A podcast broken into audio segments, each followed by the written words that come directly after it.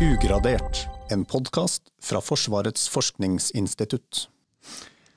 Det er nå omtrent åtte måneder siden Russland startet bakkeinvasjonen i Ukraina. Og De siste ukene har vi vært vitne til flere store, viktige begivenheter. Eh, Ukraina har startet en motoffensiv. Putin har annonsert delvis mobilisering.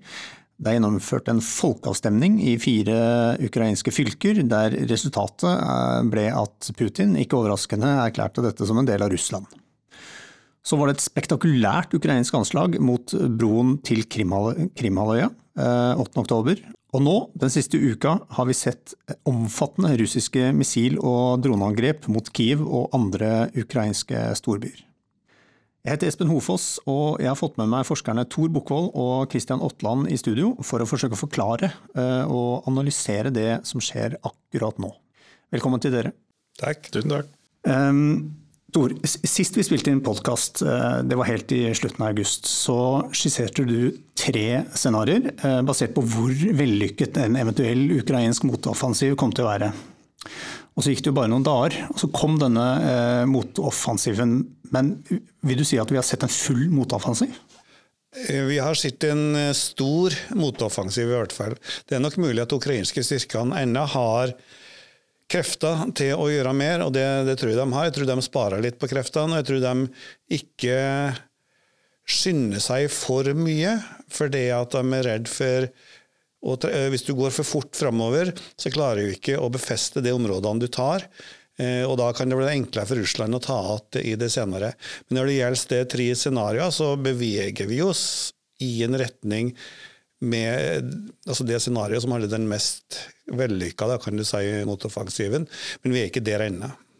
Nei, fordi Sist vi prata sammen, så nevnte du jo at Russland på det tidspunktet kontrollerte 20% av ukrainsk territorium. Hvordan ligger det an nå?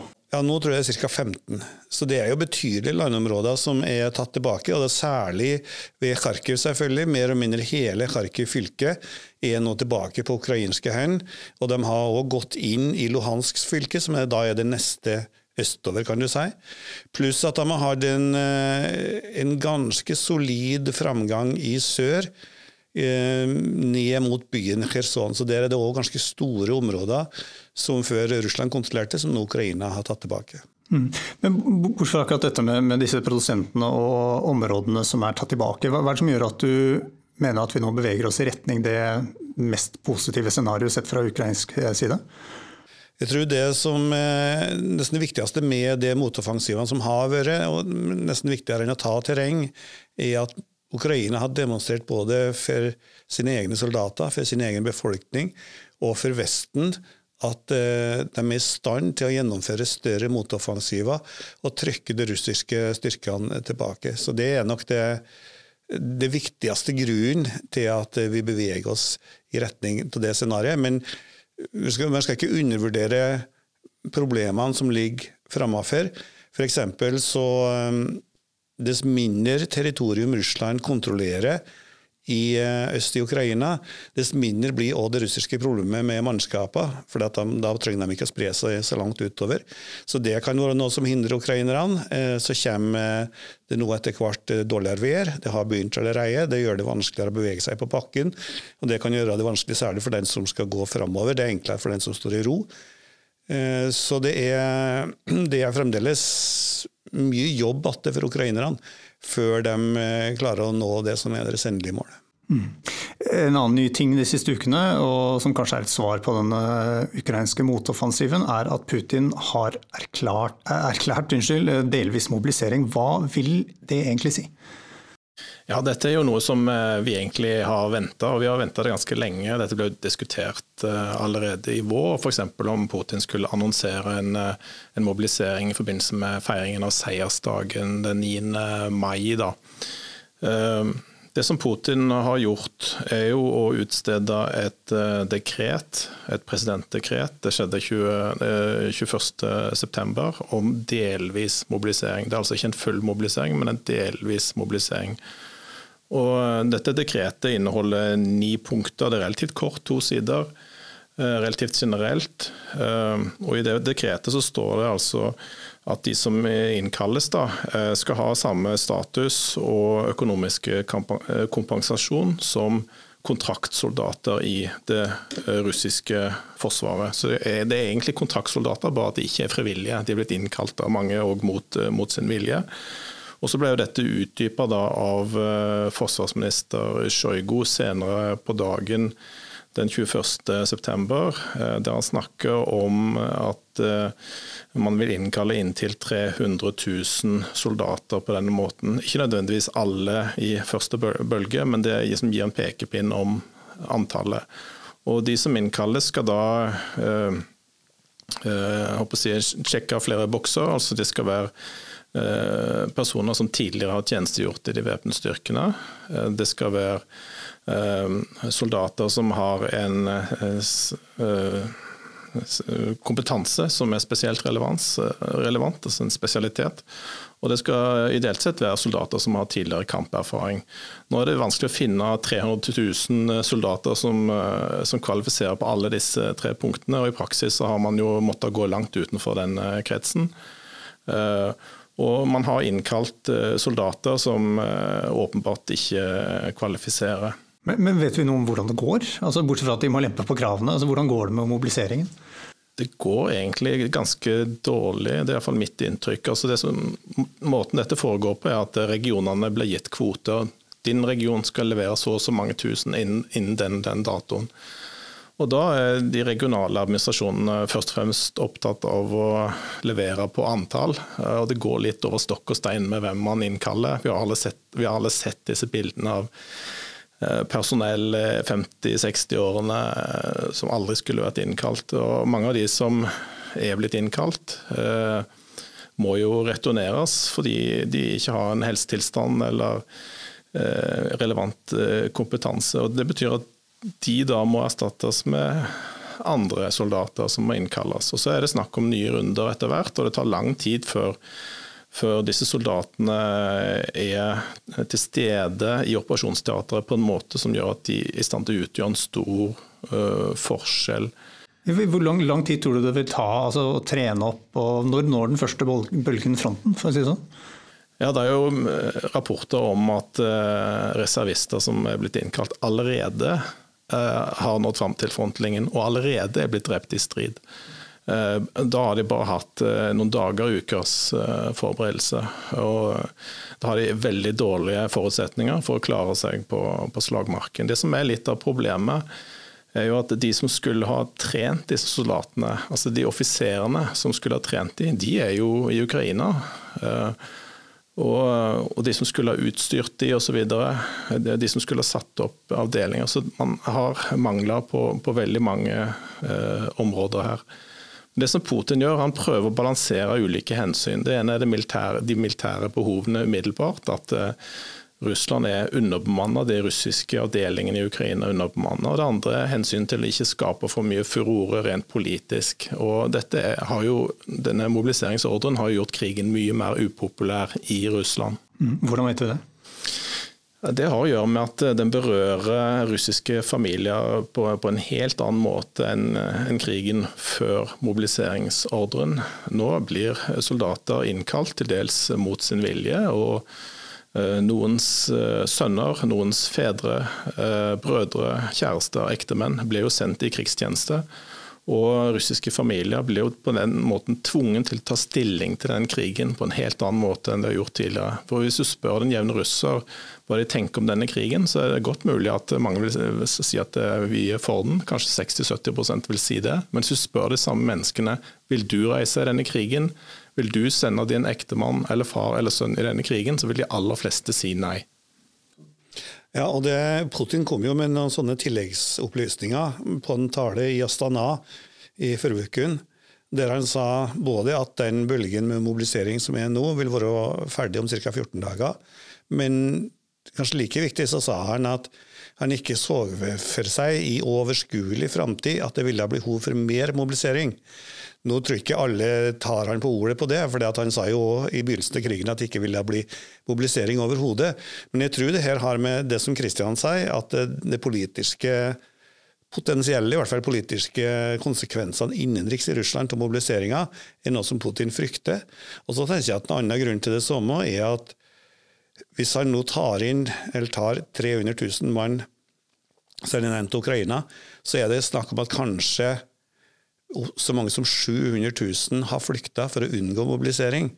Så snakker vi om veldig mye folk, og det her er altså dem som utgjør en veldig viktig del av den russiske arbeidsstyrken. Så jeg tror òg at noen har fortalt Putin at hvis det her fortsetter, så får vi store økonomiske problemer. Men, men sånn på, på krigsarenaen, eh, hvordan vil denne delvise mobiliseringen eh, påvirke utviklingen der? Den kan eh, Hvis de får trent opp styrkene, sånn som Kristian snakka om, og i tillegg får tilbake kampmoral, så kan det ha stor betydning. Og i, i verste fall kanskje snu for Ukraina, da, kanskje snu retningen på krigen. Men det virker lite sannsynlig både at han skulle kunne trene dem opp sånn, og at han skulle få tilbake kampmoralen. Så i den grad det har en effekt, så tror jeg det mest vil ha en utsettende effekt. Altså at den, det gjør krigen eventuelt mer langvarig, men at det ikke endrer retningen på den. Christian? Altså De reservistene som, eh, som, sendes til frontlinjen i Ukraina, enten nå eller på et senere tidspunkt, eh, mange av de er umotiverte. Eh, de er sendt dit, mange mot sin vilje, og har i utgangspunktet dårlige forutsetninger for å klare seg på, på, slagmarken. Og så er det et annet moment med denne mobiliseringsordren som har fått lite oppmerksomhet i mediene. og det er at eh, De som allerede tjenestegjør på kontrakt i Ukraina, de har fått sine kontrakter forlenget automatisk på ubestemt tid for hele den perioden som mobiliseringen er i kraft. Eh, og Det er selvfølgelig veldig upopulært for de som har kriga i Ukraina i seks, sju, åtte måneder og hadde sett for seg en, en, en slutt på, på, dette. Du kan tenke deg Hvis du har løpt et maratonløp og begynner å nærme deg målstreken og får beskjed om at du skal løpe en ny maraton, så det er ikke spesielt populært. Ikke for motivasjonen, nei. Men hvor mange av disse var det som altså, trodde de at de faktisk skulle være med på en såkalt spesialoperasjon? Visste de hva det gikk til? Eh, noen gjorde det, mange visste ikke hva, hva det gikk til. Eh, mange fikk beskjed om at de skulle ut på øvelse, eh, og visste ikke egentlig at de var i strid før, før de ble skutt på og var inne på ukrainsk territorium. Og så eh, over til disse folkeavstemningene som vi nå har sett i, i fire um, ukrainske, tidligere ukrainske fylker, må vi vel kanskje si da. Eh, hva, hva, kan vi si om det her, Tor? Først så må vi si at det er fremdeles ukrainske fylker. og Mest sannsynlig, gitt det vi snakka om til å begynne med, så vil de, uh, vil de bli det i framtida. Men vi vet jo ikke sikkert hvordan det her går ennå. Det vi kan si om dem, er at Først og fremst tror jeg at eh, Putin har låst seg enda mer i forhold til en, en sluttilstand på krigen. For nå har han innlemma dem formelt i Russland, det områdene her. Altså tatt fylker fra en annen stat, innlemma det i sitt land. Sagt til dem som samarbeider med russerne der, at nå er dere en del av Russland.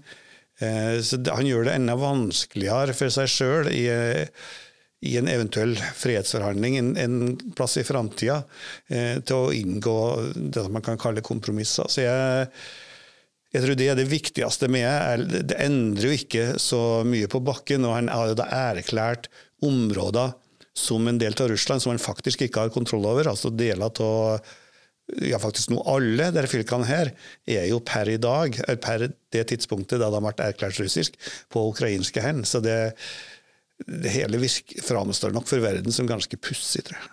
Mm. Befolkningssammensetningen i disse fylkene, altså hvor mange er det som føler seg som russere, hvor mange er det som føler seg som ukrainere?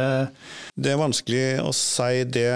For det første så er skillet mellom ukrainer og russer i Ukraina eh, veldig Det er ikke noe skarpt skille. Eh, du har millioner på millioner på millioner av ukrainske borgere som snakker russisk i dagligtale som føler seg 100% som ukrainere, på samme vis som dem som snakker ukrainsk i, i dagligtale. Det finnes nok, eh, i det, særlig disse fylkene, her, noen som er positivt innstilt til Russland nå. Og Det fantes ganske mange av dem før, men krigen i seg sjøl har jo gjort dem til en helt marginal gruppe i befolkninga. Så altså, Ukraina er mer forent som land enn nesten de fleste andre, skulle jeg si. Tross for at det her skillet mellom dem som snakker ukrainsk og dem som snakker russisk, fremdeles er der. Ja, nei, Jeg er enig i det som, som Tor sier. og Det er òg helt riktig at Russland ikke kontrollerer disse områdene som de nå har erklært som, som russiske. Eh, på det tidspunktet da denne, annons, denne, annekteringen ble annonsert, eh, altså den 30. september, så kontrollerte Russland da størstedelen av Luhansk fylke, som ligger helt oppe i nordøst og størstedelen av Kherson fylke, som ligger helt nede i sør nord for, for, Krim. Men det gjelder de to fylkene imellom, som heter Zaporizjzja og Donetsk.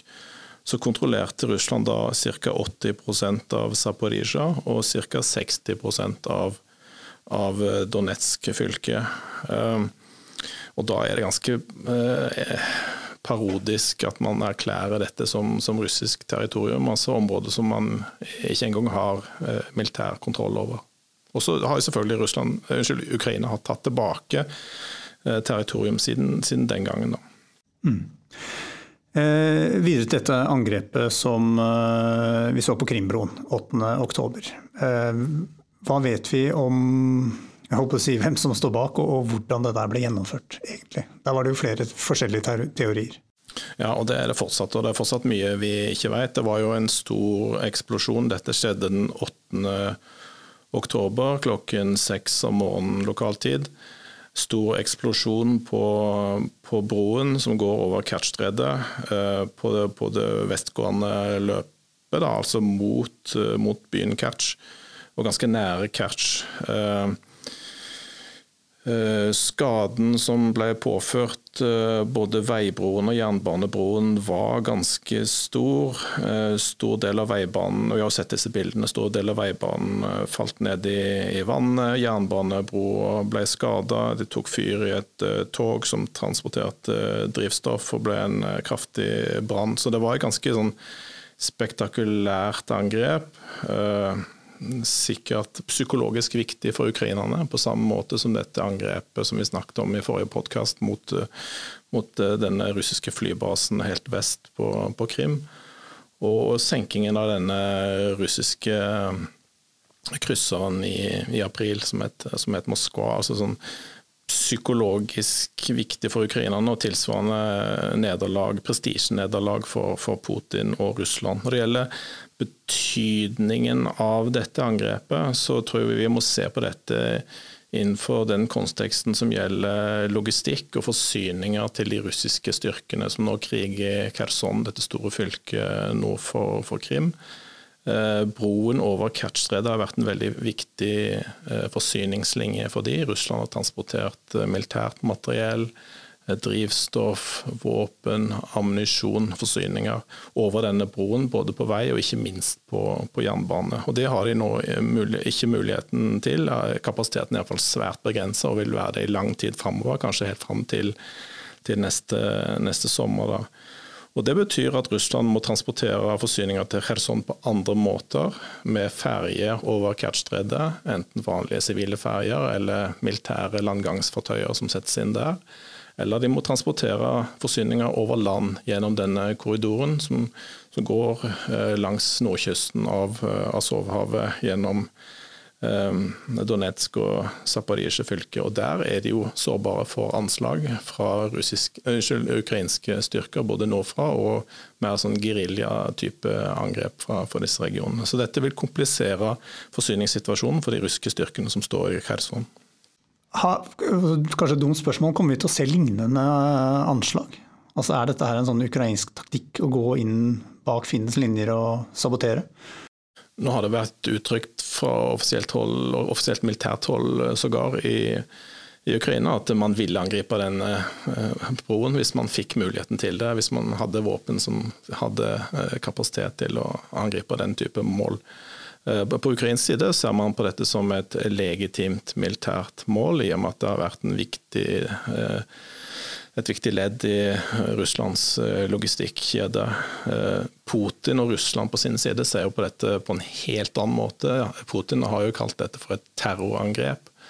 Og dette utløste jo en motreaksjon, som vi husker. Disse kraftige eh, missilangrepene mot Kiev og, og andre ukrainske byer som starta det var vel den 10. oktober. For, for, ja, for det har vi sett nå den siste uken, både droneangrep og, og missiler inn i Kiev. og rammer infrastruktur og sivile mål. Det er rein hevn? Alt tyder på det. Det tjener jo ikke noe militært formål å angripe boligblokker og altså sivile, sivile mål. Dette har jo vært et mønster eh, egentlig fra den tidlige fasen av denne krigen. Altså Sivile mål har jo vært angrepet i mye større eh, målestokk og antall enn en militære mål. Og Det er et uttrykk for frustrasjon på russisk side, at man ikke klarer å ramme militære mål med noen grad av presisjon. Og da går man etter eh, sivile mål, myke mål. Eh, det er liksom det eneste man, man klarer, da. Ja, jeg tror jeg vil si, altså I tillegg til det du nevner med hevn, så er det litt sånn som Kristian var inne på til slutt, her, rett og slett med en form for desperasjon på russisk side òg. Fordi at eh, et sånn angrep på Kertsbrua er så stort at det må det gjøres noe med. Altså er det begrensa hva Russland er i stand til å gjøre. De er ikke klare til å bruke atomvåpen. Eh, og de har ikke de militære kapasitetene til å gjøre så mye annet enn den type angrep som vi så rundt Kiev og i andre ukrainske byer. Mm. Og Samtidig har du vel varsla at hvis, eh, hvis, Ukraina rører eh, denne broen, eh, så blir det eh, svar? Ja, altså Medvedev, eh, tidligere president Medvedev sa jo allerede i vår at det, hvis ukrainerne rører ved Krimbrua, da blir det et helvete for ukrainerne. Og når du først har gått så høyt på banen, så, så må et eller annet skje når ukrainerne faktisk angrep Krimbrua. Mm. Eh, jeg har lyst til å snakke litt om hvordan denne krigen påvirker oss. Eh, da tenker jeg selvfølgelig ikke på strømpriser og økonomi og den type ting, men nå har det jo vært da sabotasje mot eh, gassledninger i Østersjøen. Og i kjølvannet av det så har vi jo fått rapporter om droner som har observert nær norske oljeinstallasjoner. Og flere russere er blitt arrestert i Norge, enten med drone eller med fotoutstyr. er, er det her en reell trussel? Altså Planlegges det angrep, eller er det bare en del av et eh, psykologisk spill? Det er jo et psykologisk spill, og det er jo mye russisk eh, aktivitet i nord. Og det er mye russisk militær aktivitet i nord. Eh, både på land og på sjøen og i luften. Akkurat nå er det jo ganske mange russiske skytefelt i Barentshavet og Norskehavet. Uh, ofte er det vanskelig å fastslå om dette er liksom rutinemessig øvingsaktivitet som er planlagt for, for lenge siden. For, for, når du sier skytefelt, så det er det jo sånn at russerne skal varsle uh, aktivitet. Stemmer det. Og nå I det siste har det vært varsla flere typer uh, skyteøvelser. Stemmer det. Og det man gjør da, er å utstede et såkalt NOTAM, eller Notice to Airmen som er et varsel eh, i standardisert format som utstedes av russiske luftfartsmyndigheter. Da, som, som, er offentlig tilgjengelig. og De gir en del informasjon om, om den aktiviteten. Uh, akkurat nå, eh, sist jeg sjekka, så var det vel en seks, sju, åtte aktive sånne Notam-felt i Barentshavet og Karahavet. Akkurat nå? Uh, I hvert fall i forrige uke, slutten, jeg sjekka. Uh, noe av dette er militær aktivitet, noe av det er eh, romrelatert eh, aktivitet. Og dette er skytefelt som man finner både i russisk økonomisk sone i Barentshavet og i norsk økonomisk sone, utenfor 12 nautiske mil, eh, selvsagt. Men hvor, I hvilken grad er her, disse varslene fulgt opp av reell aktivitet?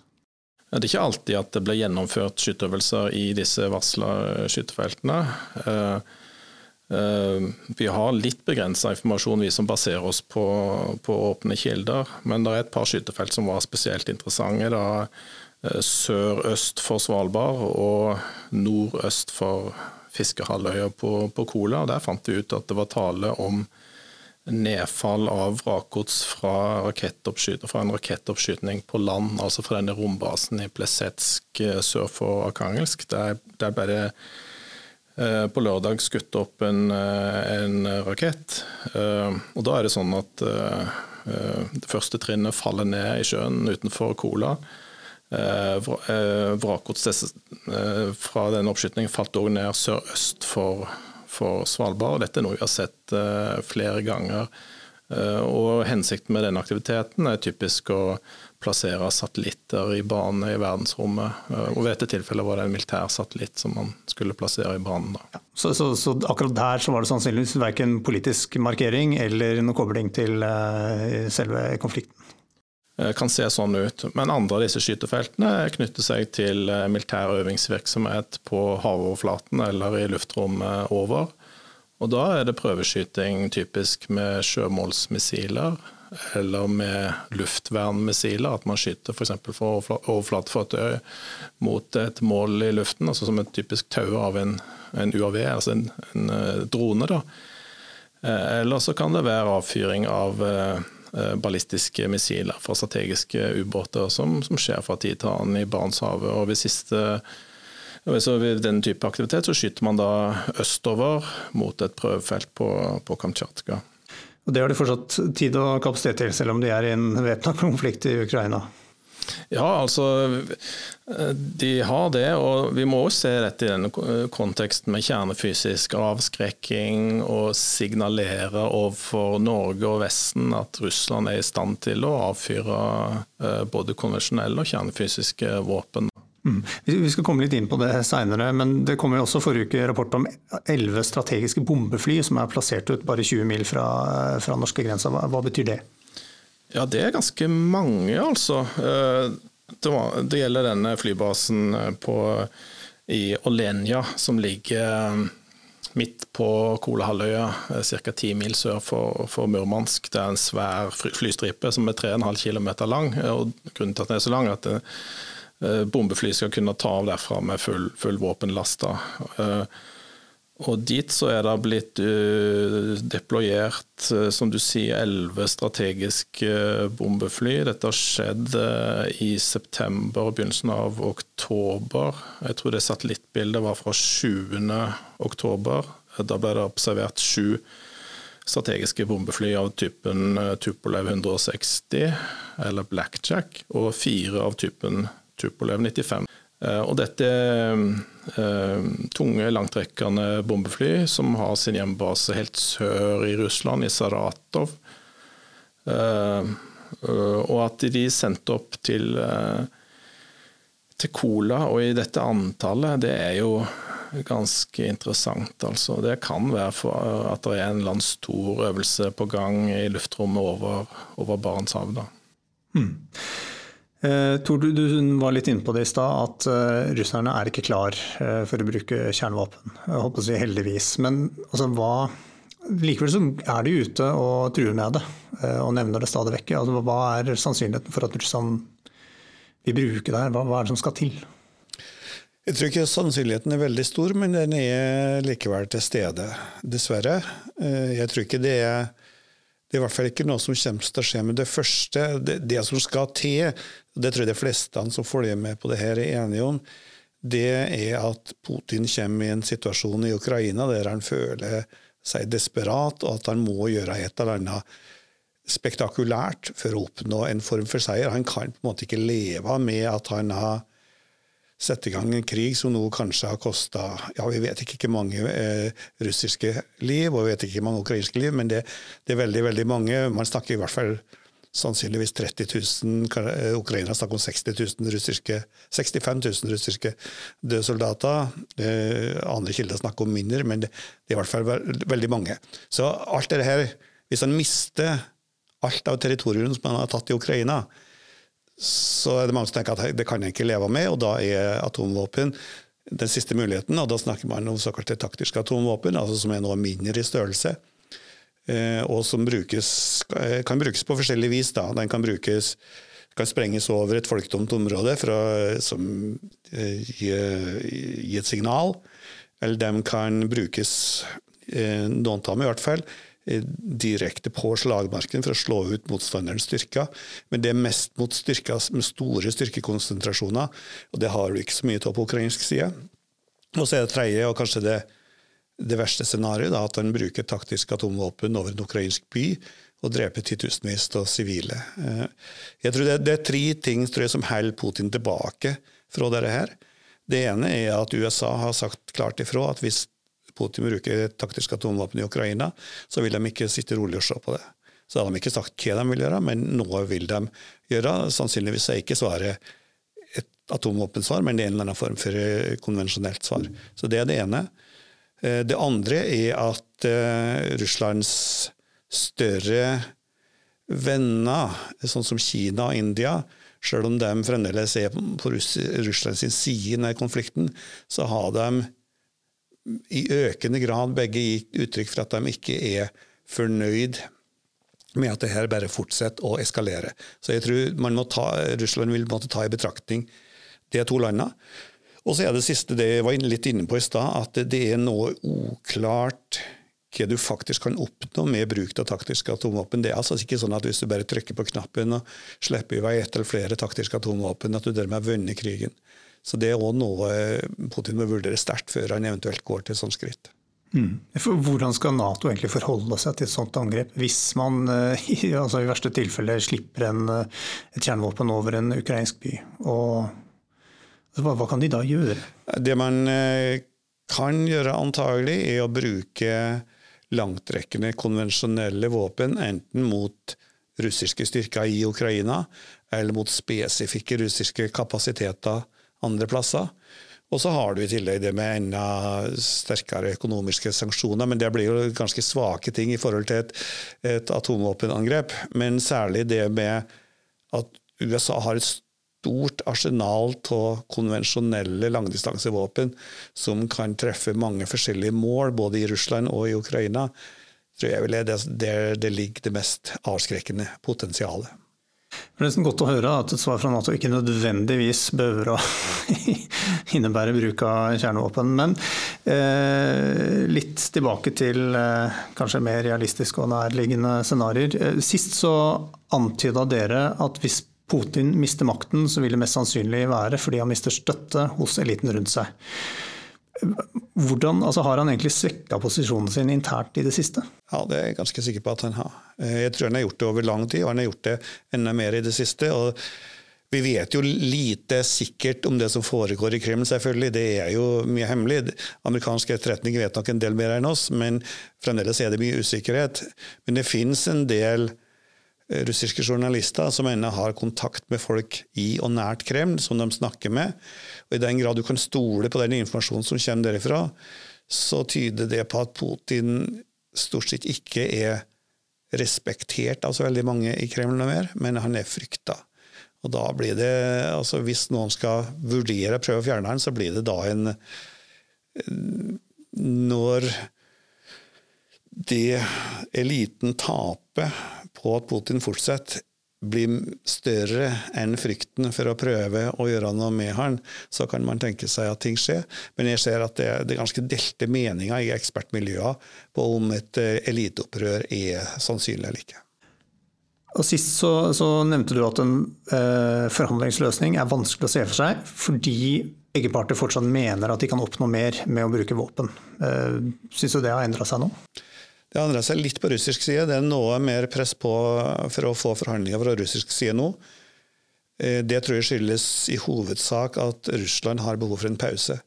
Jeg tror ikke at det skyldes at man har endra syn på hva man ønsker å oppnå, eller på hva som er og en, en eh, oppnåbar endestilstand på krigen, men man har behov for en pause for å fylle opp med nye styrker, trene dem. Og Da kunne nok Russland tenke seg at hvis de kunne få en stopp i krigshandlingene over noe tid, kamuflert som eh, forhandlinger om en sluttilstand, så kan de komme tilbake når de er sterkere. Men da var kanskje ditt råd til Ukraina å være ikke gå med på en sånn?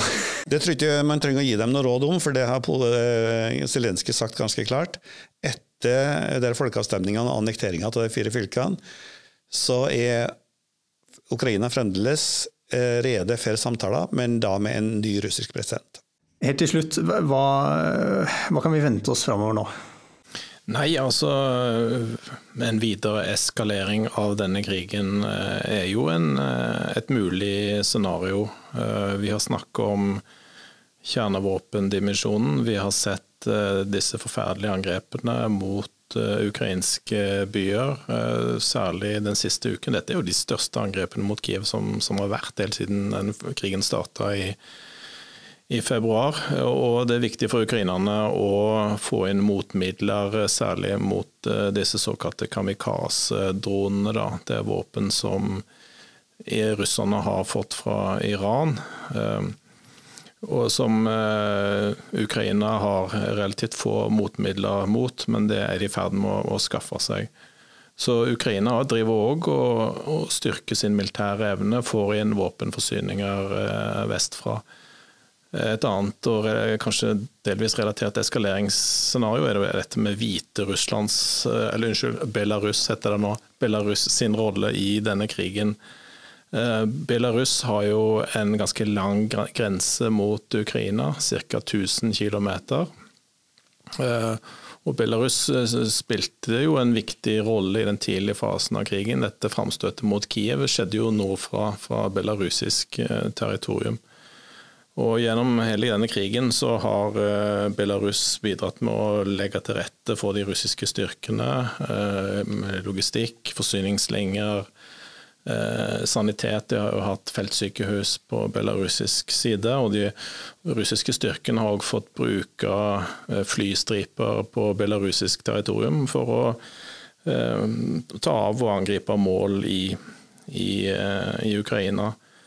Og så har vi nå sett i det siste eh, forsyninger av eh, stridsvogner og eh, ammunisjon fra belarusisk side til de russiske styrkene i Donbas.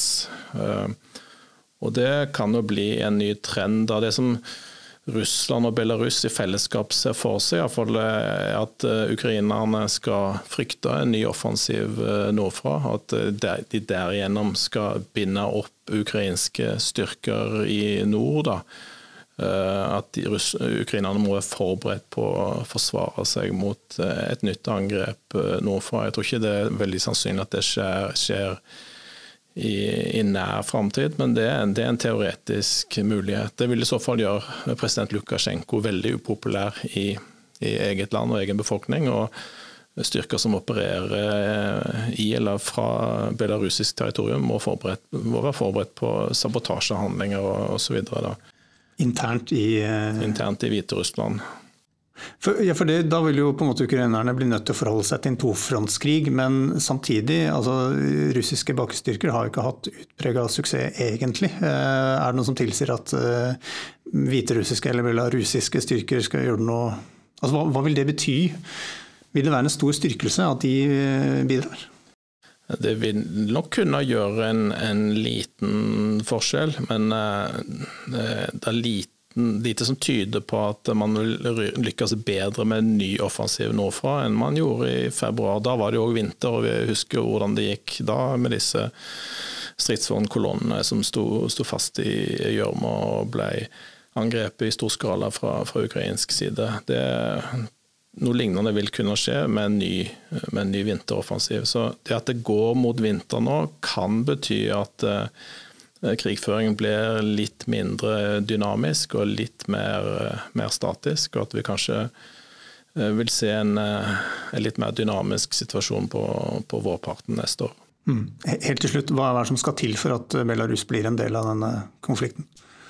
Det som skal til, er vel at eh, Putin klarer å overtale Lukasjenko om at eh, dette er nødvendig. Eh, men jeg tror Lukasjenko har sine, sine bekymringer for hva det kan bety for hans egen posisjon og, og regimets stilling da, i Minsk. Det får bli siste ord i eh, denne omgang. Eh, takk igjen for at dere tok dere tid til å stille opp i studio, og takk til dere som har lytta på hele veien. Vi kommer tilbake med en ny eh, Ukraina-podkast om noen uker. Takk for i dag.